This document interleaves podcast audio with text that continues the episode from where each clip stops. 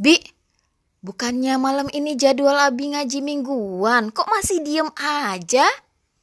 Ntar lah, insya Allah minggu depan, Mi, minggu depan. Minggu depan, emangnya sekarang kenapa? Kenapa nggak ikut? Nih, ada kerjaan dikit. Ya kan bisa dikerjain nanti. Kayaknya minggu kemarin juga gitu deh, ada aja alasan.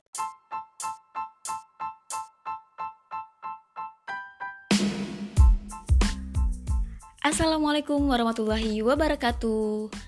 Apa kabar keluarga muda Indonesia? Jumpa lagi dengan kami, Elva dan Taufik di podcast kami Keluarga Elvata. Hari ini kami akan bahas tentang orang-orang yang suka mencari alasan. Simak yuk.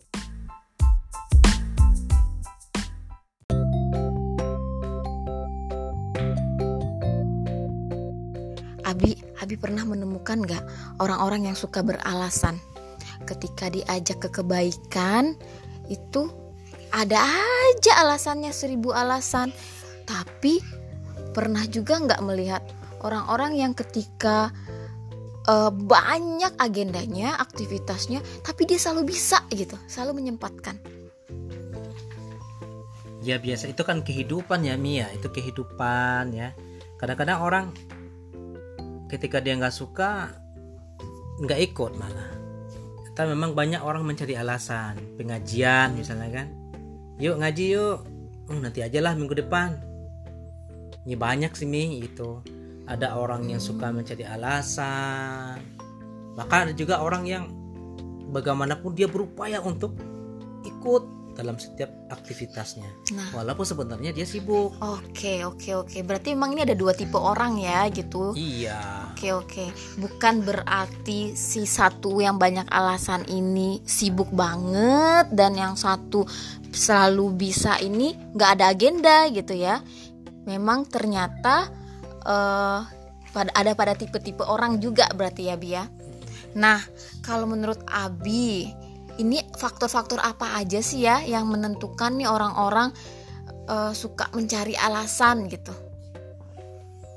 Kalau bicara faktor ini ya kata eh, mungkin ya banyak faktor ya yang membuat orang eh, punya alasan untuk tidak ikut dalam sebuah kegiatan, ajakan kebaikan, ajakan seminar atau macam macam-macam banyak.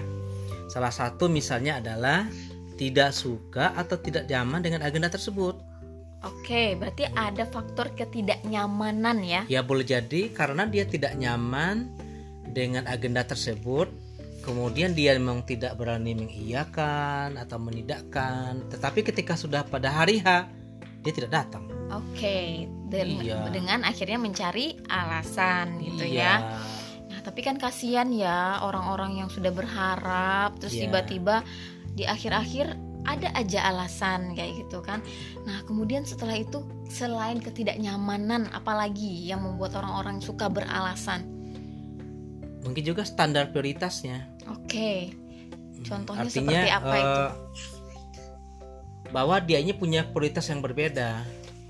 Boleh jadi dia pengennya ini, ternyata ada orang mengajak yang itu, jadi tidak menjadi prioritas bagi dia. Ah ini nggak penting ah, artinya nggak penting banget buat saya gitu.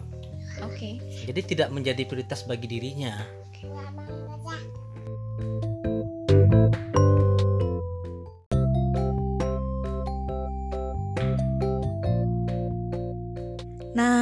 Itu ya tadi keluarga muda Indonesia beberapa faktor yang menyebabkan orang suka mencari alasan.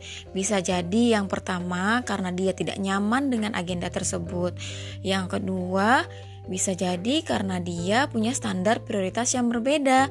Jadi agenda tersebut bukan prioritas utamanya. Nah, yang ketiga, bisa jadi karena orang-orang ini fokus pada dirinya sendiri gitu. Jadi baginya agenda selain agenda dirinya itu tidak penting gitu. Jadi walaupun sebenarnya dia tidak sibuk, dia tetap suka mencari alasan. Nah, yang keempat eh, biasanya karena menganggap sepele itu ya. Jadi ah paling juga seperti itu acaranya jadi tidak merasa tidak penting ya sama saja ya. Akhirnya menyepelekan kemudian mencari alasan agar tidak bisa ikut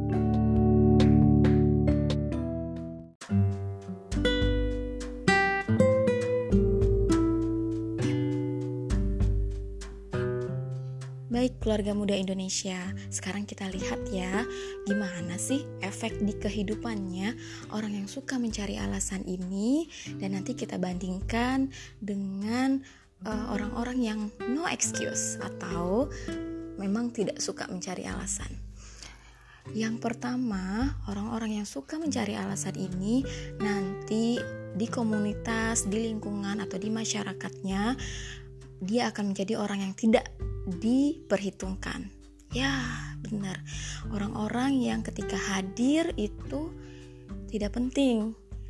Hadir ataupun tidak hadirnya dia itu tidak berpengaruh sedikit pun terhadap apa pun sedih ya gitu. Sedih menjadi seperti ini. Uh, ya karena memang uh, apa yang kita lakukan akan kembali seperti uh, apa akan kembali kepada diri kita. Begitulah ketika kita tidak mementingkan urusan orang banyak ketika kita tidak memprioritaskan agenda-agenda yang memang membawa kekebaikan maka kita pun akan menjadi orang yang tidak diperhitungkan yang kedua, biasanya orang-orang tipe ini uh, akan sulit ketika dia butuh bantuan banyak orang. Yap, karena selama ini dia hanya fokus sama diri sendiri, jadi ketika dia butuh bantuan orang pun akhirnya uh, masyarakat, lingkungan ataupun komunitasnya juga akan sulit untuk memberikan bantuan kepada dia. Kalaupun ada, itu pun biasanya terpaksa. Jangan sampai ya, jangan sampai kita menjadi seperti itu. Kemudian kita lihat nih bagaimana sebaliknya. Orang-orang dengan tipe no excuse. Ya, ini akan berkebalikan sekali ya. Orang-orang tipe no excuse ini akan sangat-sangat berarti bagi komunitas, lingkungan, dan masyarakatnya. Dia akan dianggap menjadi orang yang penting. Ketika dia tidak hadir, orang akan tahu, wah kenapa ya bapak ini nggak hadir gitu? Kenapa ya tidak dia tidak ada gitu? Oh sakit mungkin gitu. Jadi uh, sampai bahkan bisa jadi uh, agenda itu ditunda demi menunggu kehadirannya. Sangat berarti sekali ya menjadi orang seperti ini gitu. Dan ketika orang ini butuh bantuan, biasanya tanpa dia minta pertolongan, pertolongan itu akan banyak datang. Karena selama ini dia ringan, karena selama ini dia mudah uh, membantu banyak orang. Tidak pernah memberikan alasan untuk agenda kebaikan. Ya, efeknya juga akan kembali kepada dirinya sama layaknya seperti kita bersedekah ya. Ketika kita memberi, itu sebenarnya layaknya kita sedang uh, mengundang pemberian dari Allah juga. Dan tanpa kita berharap pun itu akan kembali. Ya, hukum alamnya seperti itu. Jadi sekarang uh, kita tinggal memilih. Kita tinggal memilih kita mau menjadi orang seperti apakah hidup di bermasyarakat ini menjadi orang-orang yang suka mencari alasan dan fokus dengan diri sendiri atau kita mau menjadi orang-orang yang ringan untuk membantu banyak orang. Assalamualaikum warahmatullahi wabarakatuh.